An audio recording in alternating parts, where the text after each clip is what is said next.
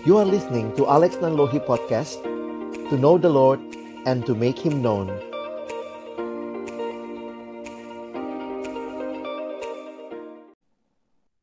Shalom, selamat malam. Kita bersyukur kepada Tuhan buat kesempatan malam hari ini boleh mengucap syukur untuk pelayanan Evin di Perkantas. Dan juga kita sama-sama akan bersyukur mengutus Evin ke tempat yang baru dan kita akan membaca merenungkan firman Tuhan. Mari kita berdoa sebelum membaca merenungkan firman Tuhan. Bapa di dalam surga kami bersyukur buat kesempatan yang Tuhan berikan bersama-sama sebagai keluarga besar perkantas. Kami malam hari ini boleh datang mengucap syukur kepada Tuhan bersama-sama untuk apa yang Tuhan karyakan di dalam kehidupan sahabat kami, rekan kami, kakak kami, Evin selama melayani di perkantas. Malam hari ini kami bersama-sama merindukan Tuhan yang boleh menyapa kami dengan firman-Mu kembali, menolong kami bukan hanya memahami tetapi juga dimampukan menjadi pelaku-pelaku firman-Mu di dalam kehidupan kami. Bersabdalah ya Tuhan kami sedia mendengarnya dalam satu nama yang kudus, nama yang berkuasa, nama Tuhan kami Yesus Kristus. Kami menyerahkan pemberitaan firman-Mu. Amin. Ya, saya coba siapkan satu perenungan. Balik lagi ya, jadi pusing sebenarnya apa yang mau disampaikan. Evin mintanya um, katanya satu Petrus pasal yang kelima. Tapi uh, saya coba siapkan bagian ini deh buat kita malam hari ini. Nanti sama-sama kita bisa merenungkan yang memenuhi pikiran saya sejak kemarin ketika tahu bahwa Evin juga akan melayani lagi ke sekolah. Jadi sebenarnya unik juga begitu ya. Evin ini uh, senang sama anak-anak, Tuhan bawa juga dia akan melayani anak-anak dan uh, berulang kali bagian firman Tuhan ini muncul di kepala saya waktu mempersiapkan ini. Bukan karena Evin bentuknya uh, mungil seperti anak-anak begitu ya, sehingga saya memilih tema ini. Tetapi uh, ini yang saya coba ajak kita renungkan karena juga saya tahu malam hari ini banyak eh, teman-teman uh, yang melayani siswa, tapi kita juga mau belajar untuk terus menjadi seperti anak kecil tetapi bukan kekanak-kanakan. Be childlike but not childish. Nah, teman-teman uh, saya coba memori juga lihat apa sih yang sebenarnya Tuhan sudah pimpin dalam hidup Evin. Kenapa sih dia sangat menekankan satu Petrus 5, lalu kemudian doa Yesus di Taman Getsemani. Ternyata itu kaitannya sama ini teman-teman ya. Nanti teman-teman bisa cek di website Perkantas. Ini kesaksian Evin waktu masuk jadi staff eh, 2015 ya kalau nggak salah ya. Dan uh, dalam kesaksian itu, nah teman-teman nanti bisa baca, Nah, ini sedikit uh, bagiannya. Ternyata Evin menjawab uh, panggilan waktu itu yang Tuhan nyatakan dalam uh, pelayanan perkantas, pelayanan siswa di perkantas setelah Kak Sabet menawarkan begitu ya dia berdoa, bergumul, ayat yang menguatkan itu 1 Petrus 5 ayat 1 sampai 11 dan juga uh, katanya esok harinya Allah kembali berbicara melalui Lukas 22 ya uh, mengingatkan anugerahnya bukan kehendakku tapi kehendakmu lah yang terjadi. Jadi uh, teman-teman saya per, saya percaya bahwa ayat-ayat ini tentunya akan menyertai dan mewarnai perjalanan Evin ke depan karena juga yang digembalakan kembali adalah uh, siswa-siswa, orang-orang muda yang Tuhan percayakan dan juga tentunya dalam doa terus memohon Tuhan bukan kehendakku yang terjadi tapi kehendakmu. Nah malam hari ini saya mau tambahkan lagi dengan perenungan ini sesuatu yang Tuhan berikan di dalam hati saya dalam Matius pasal 18 ayat 1 sampai 5. Waktu yang terbatas saya akan hanya mengajak kita merenungkan beberapa bagian dari ayat ini. Mari kita lihat ayat ini sama-sama. Saya bacakan buat kita ada di screen buat kita ya. Pada waktu itu datanglah murid-murid kepada Yesus dan bertanya, Siapakah yang terbesar dalam kerajaan sorga? Maka Yesus memanggil seorang anak kecil dan menempatkannya di tengah-tengah mereka. lalu berkata, Aku berkata kepadamu, sesungguhnya jika kamu tidak bertobat dan menjadi seperti anak kecil ini, kamu tidak akan masuk ke dalam kerajaan sorga. Sedangkan barang siapa merendahkan diri dan menjadi seperti anak kecil ini, dialah yang terbesar dalam kerajaan sorga. Dan barang siapa menyambut seorang anak seperti ini dalam namaku, ia menyambut aku. Saya akan fokus kepada ayat yang ketiga sebagai perenungan kita malam hari ini. Ketika Yesus berkata, Aku berkata kepadamu, sesungguhnya jikalau jika kamu tidak bertobat dan menjadi seperti anak kecil ini, kamu tidak akan masuk ke dalam kerajaan sorga. Nah, teman-teman yang dikasihi Tuhan, kalau kita melihat apa yang terjadi dalam bagian sebelumnya, apalagi kita melihat bagaimana Tuhan juga menyatakan khususnya melalui uh, Petrus bahwa di atas batu karang ini dia akan mendirikan jemaatnya dan seterusnya, maka mungkin kita jadi bertanya kalau kita ada di sekitar murid-murid pada waktu itu, ketika murid-murid datang dan bertanya kepada Yesus, siapakah yang terbesar dalam kerajaan sorga? Mungkin orang akan mengatakan ya Petrus begitu ya dari apa yang mereka lihat, mereka dengar dari apa yang Yesus sampaikan. Tetapi yang menarik, Yesus memanggil seorang anak kecil lalu menempatkannya di tengah mereka dan berkata, "Kamu harus bertobat jika tidak bertobat dan menjadi seperti anak kecil ini." Menarik kalimat uh, Craig Kinner dalam uh, tafsirannya untuk bagian ini dia mengatakan bahwa para guru-guru moral yang ada pada waktu itu biasanya mengedepankan model-model yang pahlawan atau mungkin eh, orang-orang uh, negarawan yang besar untuk murid-murid mereka teladani. Tapi justru ketika Yesus ditanyakan, uh, dikatakan di sini Jesus instead points to a child. Jadi ini menarik sekali ya. Uh, Yesus malah membawa anak kecil. Yesus nggak bilang uh, Eh, kita harus jadi seperti siapa begitu ya. Tetapi dia membawa seorang anak kecil dan apa yang sebenarnya bisa kita perhatikan, anak kecil ini pun kita nggak tahu siapa namanya. Nah, karena itu uh, Craig Kinner melanjutkan kalimatnya begini ya.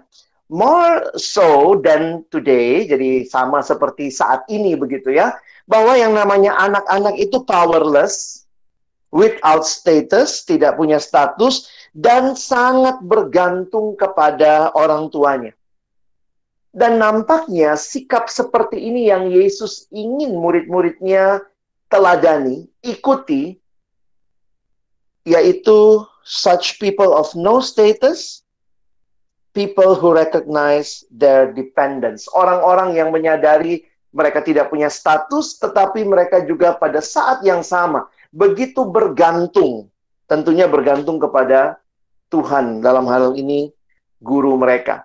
Jadi eh, teman-teman yang dikasihi Tuhan bagi saya ini menarik untuk memperhatikan bahwa uh, realita ini nih yang yang Tuhan ingatkan ketika murid-murid datang dan bertanya siapa yang terbesar.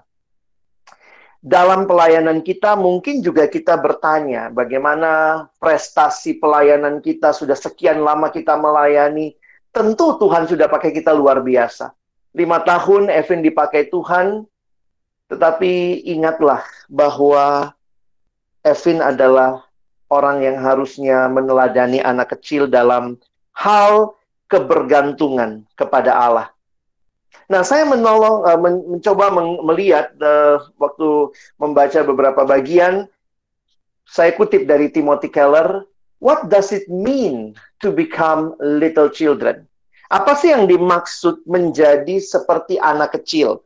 Ada banyak tafsiran, tapi saya mau coba ambil dari yang Timothy Keller sampaikan. Nah, dia menuliskan demikian, teman-teman ya, bahwa kalau kita melihat di dalam di dalam sepanjang Alkitab, Oke, silakan di tap di pin uh, presentasi saya supaya tidak hilang. Silakan teman-teman print presentasi saya. Oke. Jadi kalau kita melihat the, se, seluruh Alkitab, kita akan menyadari betapa pentingnya kita uh, men, bahwa Alkitab tidak bilang kita harus jadi anak-anak terus begitu ya. dalam pengertian ini bukan berarti menjadi childish. Makanya seperti yang saya kasih judulnya hari ini, kita harus menjadi seperti anak kecil, tetapi kita tidak jadi kekanak-kanakan. Be childlike but not childish.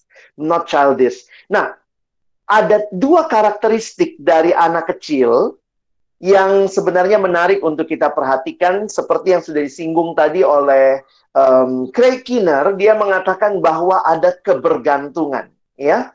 Nah, yang pertama adalah to become a little child, you have to admit your spiritual helplessness.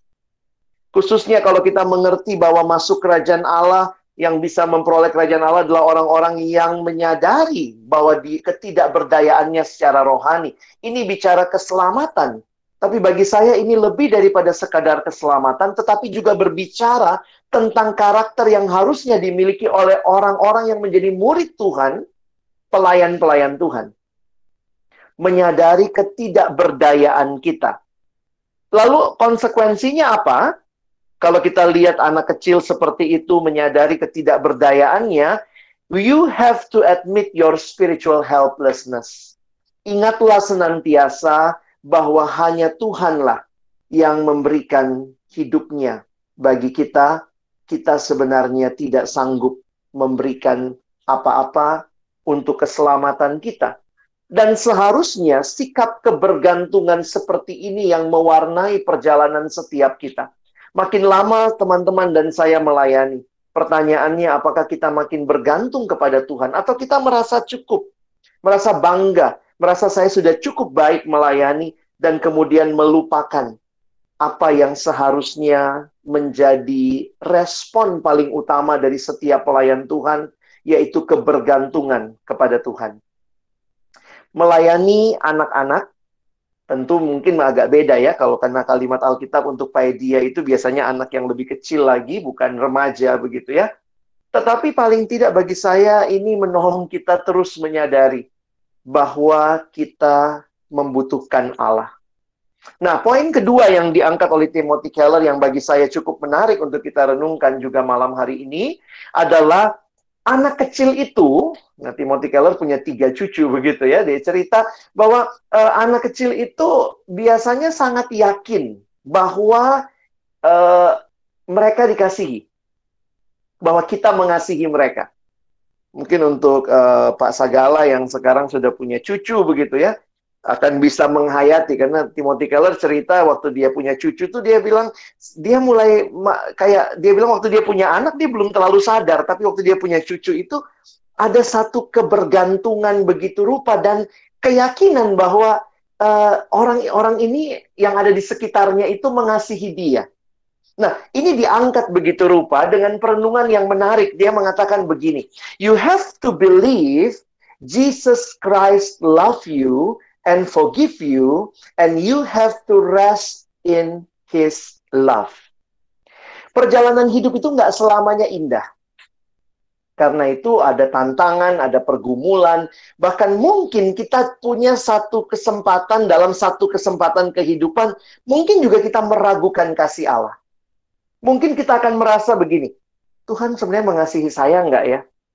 Ternyata setelah dijalanin yang ini nggak benar, yang itu kayaknya kurang baik. Waktu dijalanin kok kayaknya ini nggak sesuai ekspektasi saya dan sering kali kita mulai dengan rasional kita, rasio kita yang berputar berpikir kita mulai mengatakan, oh Tuhan tidak sayang sama saya. Aplikasi dari bagian ini mari minta agar di hadapan Tuhan kita punya sikap yang menghayati bahwa Allah senantiasa mengasihi kita. Itulah sikap seorang anak. Anak yang selalu sadar bapaknya. Mungkin situasi tidak sebaik yang dia harapkan, tetapi bapaknya yang tahu apa yang terbaik untuk anak-anaknya. Tidak kebetulan di Alkitab diingatkan bahwa dia bapak kita dan kita anak-anaknya. You have to believe Jesus Christ loves you. Ke depan ketika Evin mungkin mengalami pergumulan, tentu di tempat yang baru pergumulannya beda sama di perkantas ya. Tapi pergumulan akan selalu ada. Di tempat yang baru ketika mungkin merasakan, aduh ini kenapa sih Tuhan kayaknya nggak mengasihi saya. Ingat lagi, minta sikap seperti anak kecil. Teladanilah anak kecil yang senantiasa percaya bahwa Bapaknya mengasihi dia. Waktu sudah mulai sombong-sombong dengan pekerjaan, merasa diri mampu, ingat lagi anak kecil, I am nothing without God.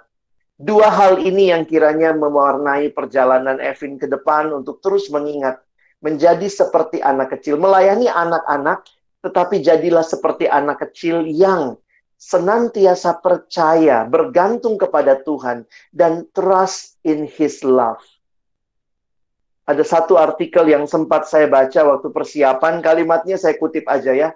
We are all children in times of fear. Ini menarik, sebenarnya ditulis dalam konteks corona, dia mengatakan dalam situasi ketakutan sebenarnya kita tuh semua anak begitu ya. And that desperation is a gift. Menyadari kembali dalam situasi yang sulit, ya saya anak yang hanya bisa bersandar dan bergantung kepada pemilik hidupku. Kiranya perjalanan Evin ke depan Tentu tubuh yang kecil bukan berarti jadi kekanak-kanakan ya Evin ya. Childlike, not childish. Kadang-kadang kita childish juga gitu ya. Kadang-kadang keluar childishnya begitu.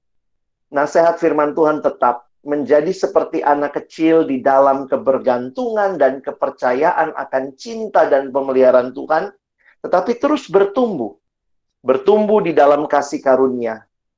Petrus mengakhiri surat 2 Petrus dengan mengingatkan jemaat bertumbuhlah dalam kasih karunia dan dalam pengenalan akan Tuhan dan Juru Selamat kita Yesus Kristus. Baginya kemuliaan sekarang dan sampai selama-lamanya. Evin akan masuk babak baru, melayani generasi muda, dan saya pikir itu beban yang Tuhan kasih buat Evin, jadi baik di perkantas maupun di sekolah yang baru. Saya dengar nanti akan ngajar sains, ngajar agama di sana. Ya kiranya Evin makin kenal Tuhan, melalui hidupmu anak-anak pun makin mengenal Tuhan. Dalam artikel yang Evin tulis tahun yang lalu saya mengeditnya dan ada kalimat yang menarik ya tentu uh, yang sebelahnya itu cuma foto aja ya nggak daripada kosong gitu ya maafkan saya masukkan foto ini lagi wisudaan kayaknya ya anak SMA 90 ya Nah, ini ada di website Perkantas, teman-teman bisa cek. Dan saya akan tutup dengan kutipan dari Evin.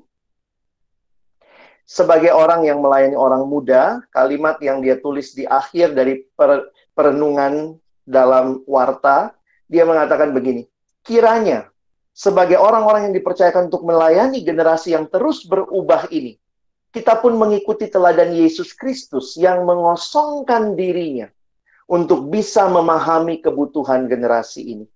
Sehingga kita bukan hanya mengerjakan program secara rutin maupun kegiatan-kegiatan yang tampak menarik, namun melalui penundukan diri sebagai hamba.